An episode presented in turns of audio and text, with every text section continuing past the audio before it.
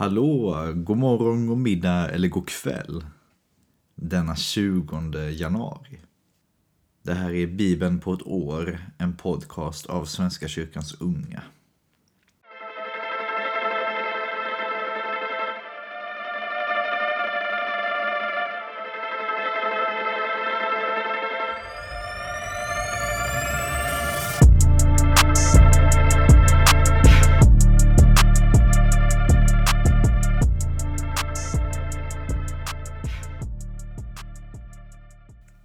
Vi ber tillsammans.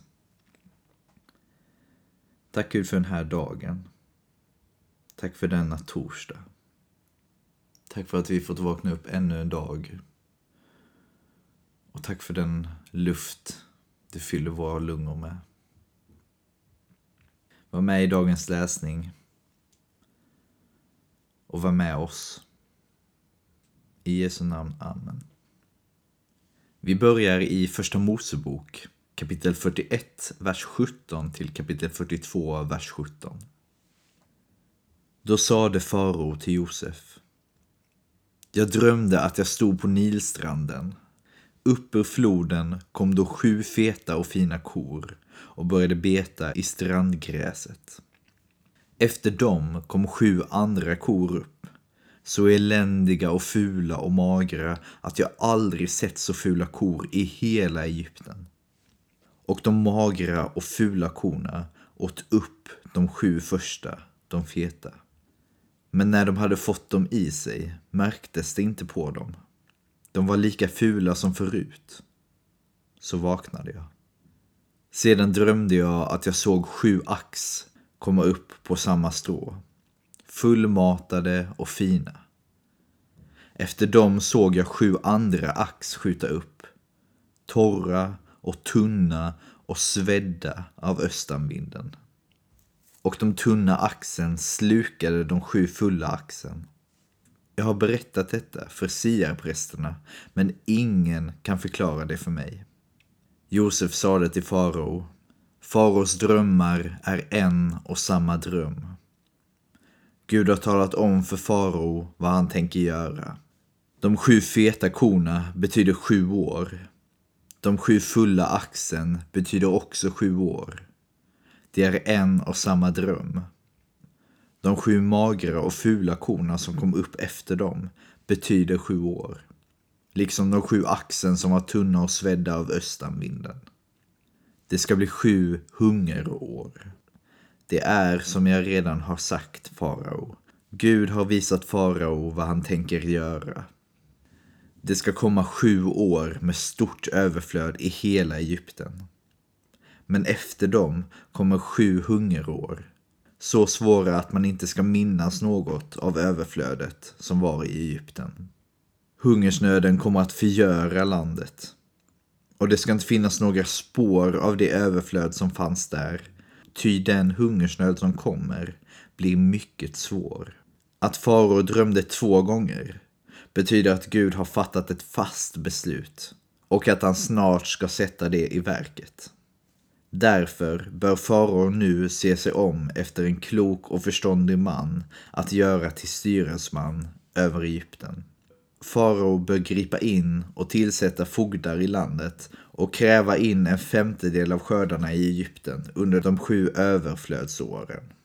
Under de kommande goda åren ska fogdarna samla in livsmedel i städerna ska de lägga upp spannmålsförråd som står till faraos förfogande. Och de ska hålla lagren under bevakning. På det viset får Egypten ett förråd av livsmedel för de sju hungeråren som kommer över landet. Så att de inte dukar under för hungersnöden. Farao och hela hans hov fann förslaget gott. Och farao sade till sina hovmän Finns det någon som äger Guds ande så som han? Sedan sade han till Josef, eftersom Gud har låtit dig få veta allt detta kan ingen vara så klok och förståndig som du. Du ska förvalta de kungliga egendomarna och hela mitt folk ska rätta sig efter dina befallningar. Tronen ska vara mitt enda företräde framför dig. Farao sade till Josef, Härmed gör jag dig till styresman över hela Egypten. Och farao drog av sig sin sigillring och satte den på Josefs finger. Han klädde honom i kläder av fint linne och hängde en guldkedja om hans hals. Han lät honom åka i den näst förnämsta vagnen och framför honom ropade man Avrek. Så gjorde farao honom till styresman över hela Egypten. Och farao sade till Josef, jag är farao, men utan din befallning ska ingen i hela Egypten lyfta hand eller fot. Farao gav Josef namnet Safenat Paner och gav honom till hustru Asenat, dotter till Potifera, prästen i On. Josef var 30 år när han stod inför farao, kungen av Egypten. Josef lämnade farao och företog en resa genom hela Egypten. Under de sju överflödsåren gav landet rika skördar. Och under dessa sju år av överflöd i Egypten lät Josef samla in alla livsmedel och lagra dem i städerna. I varje stad lagrades det grödor som vuxit på åkrarna runt omkring. Josef lade upp förråd av spannmål i stor mängd. Det var som havets sand. Till sist fick man sluta räkna. Det gick inte att hålla räkning längre. Innan det första hungeråret kom fick Josef två söner med Asenat, dotter till Potifera, prästen i On. Den förstfödde gav Josef namnet Manasse, ty sade han, Gud har fått mig att glömma både mina olyckor och min släkt. Den andra sonen gav han namnet Efraim. Ty sade han, Gud har gett mig livsfrukt i mina vedermödors land. När de sju överflödsåren i Egypten var förbi började de sju hungeråren, så som Josef hade förutsagt. Alla länder drabbades av hungersnöd, men överallt i Egypten hade man bröd. När man började känna av hungersnöden över hela Egypten och folket ropade till farao efter bröd svarade han Gå till Josef och gör som han säger. Då nu hungersnöden hade drabbat hela landet öppnade Josef alla spannmålsförråden och sålde säd till egyptierna eftersom hungersnöden var svår i Egypten. Och från hela jorden kom han till Egypten för att köpa säd av Josef. Ty det var svår hungersnöd överallt. När Jakob fick veta att det fanns säd i Egypten sade han till sina söner. Vad väntar ni på? Jag har hört att det finns säd nere i Egypten. Far dit och köp åt oss, så att vi överlever och inte svälter ihjäl. Då gav sig tio av Josefs bröder iväg för att köpa spannmål i Egypten. Josefs bror Benjamin ville Jakob inte skicka med bröderna för att han inte skulle råka ut för någon olycka. Bland alla andra som kom för att köpa säd kom också Israels söner. Ty hungersnöden hade drabbat kanan. Josef var den som hade makten i Egypten. Det var han som sålde säd till alla i landet. Och därför kom nu Josefs bröder och bugade sig till jorden för honom.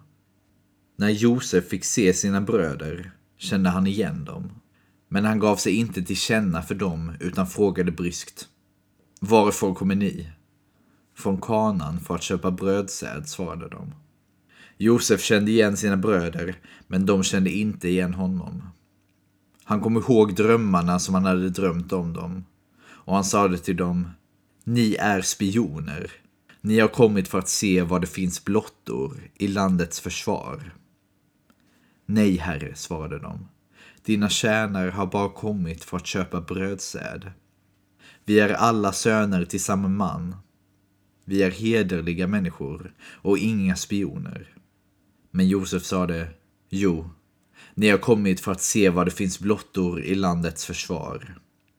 De svarade, vi var tolv bröder, herre, söner till en och samma man i kanan. Men den yngste är kvar hos vår far och en finns inte mer. Josef sa till dem, det är som jag redan har sagt er, ni är spioner. Men låt mig sätta er på prov. Så sant farao lever, ni slipper inte härifrån förrän er yngste bror kommer hit. Skicka en av er att hämta er bror.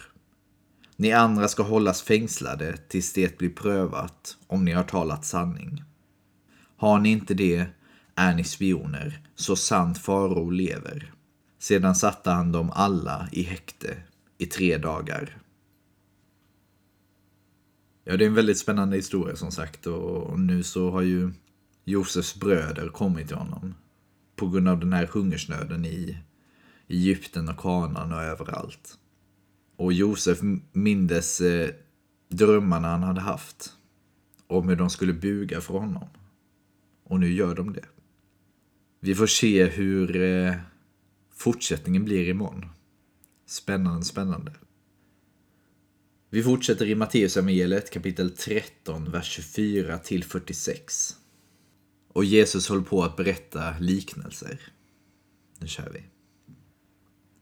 Han lät dem höra en annan liknelse. Med himmelriket är det som när en man hade sått god säd i sin åker.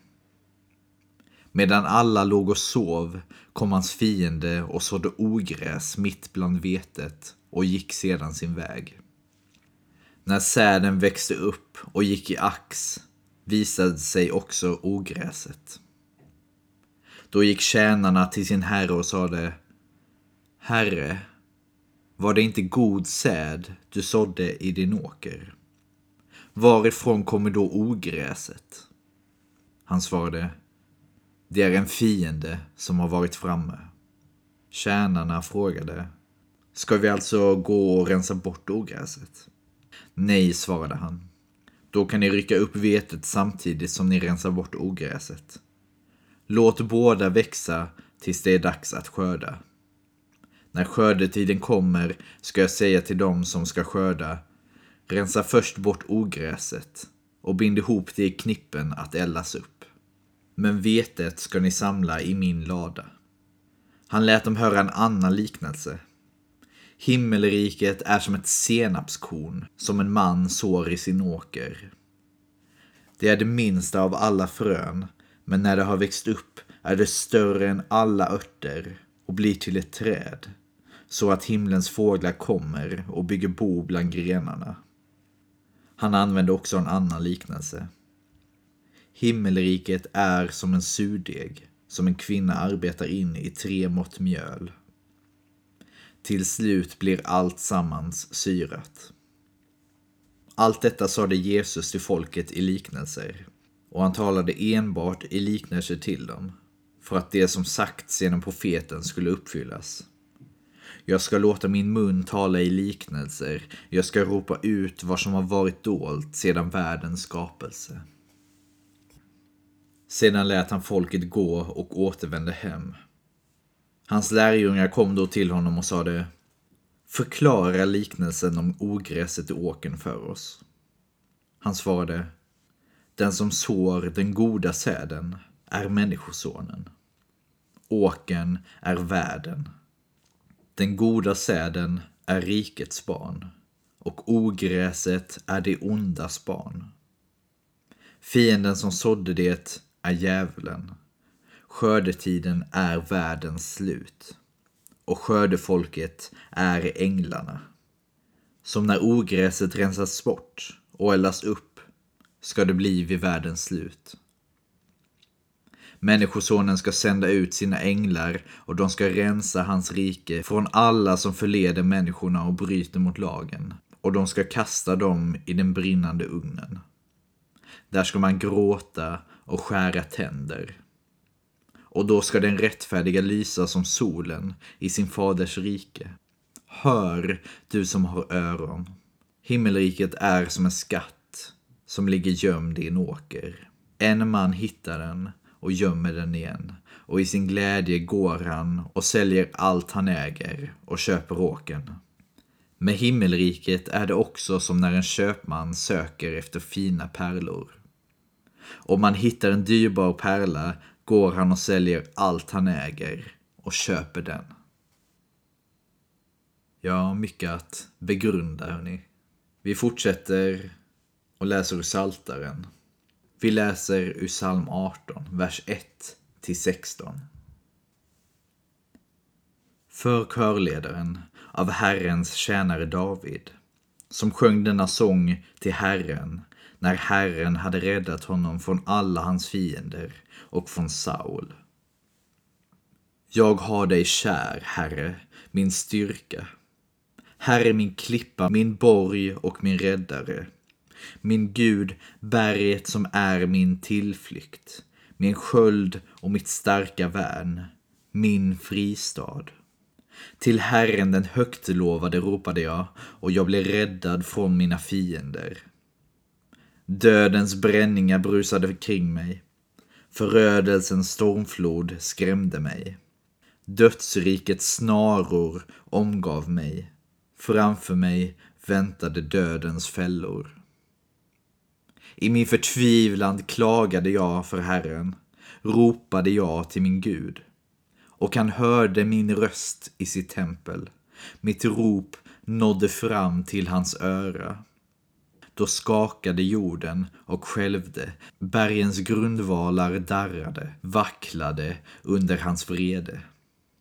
Från hans näsborrar utgick ett rökmoln, från hans mun förtärande eld. Han sprutade glöd och brand. Himlen vek han undan och steg ner med töcknet under sina fötter. Han red på keruben, han flög, han svävade fram på vindens vingar. Han dolde sig inne i mörkrets tält, i molnens fuktiga massor. I glansen kring honom for molnen fram, hagel och gnistrande bränder. Herren dundrade i himlen. Den högste lät höra sin röst. Han sköt sina pilar vida omkring. Han sände ljungande blixtar. Havets bädd kom i dagen och jordens grundvalar blottades för ditt rytande, Herre, för din vredes stormvind. Och vi avslutar med Ordspråksboken, kapitel 4, vers 1 till 6. Hör er fars förmaningar, barn. Lyssna och kom till insikt. God är den lärdom jag ger er. Glöm inte min undervisning.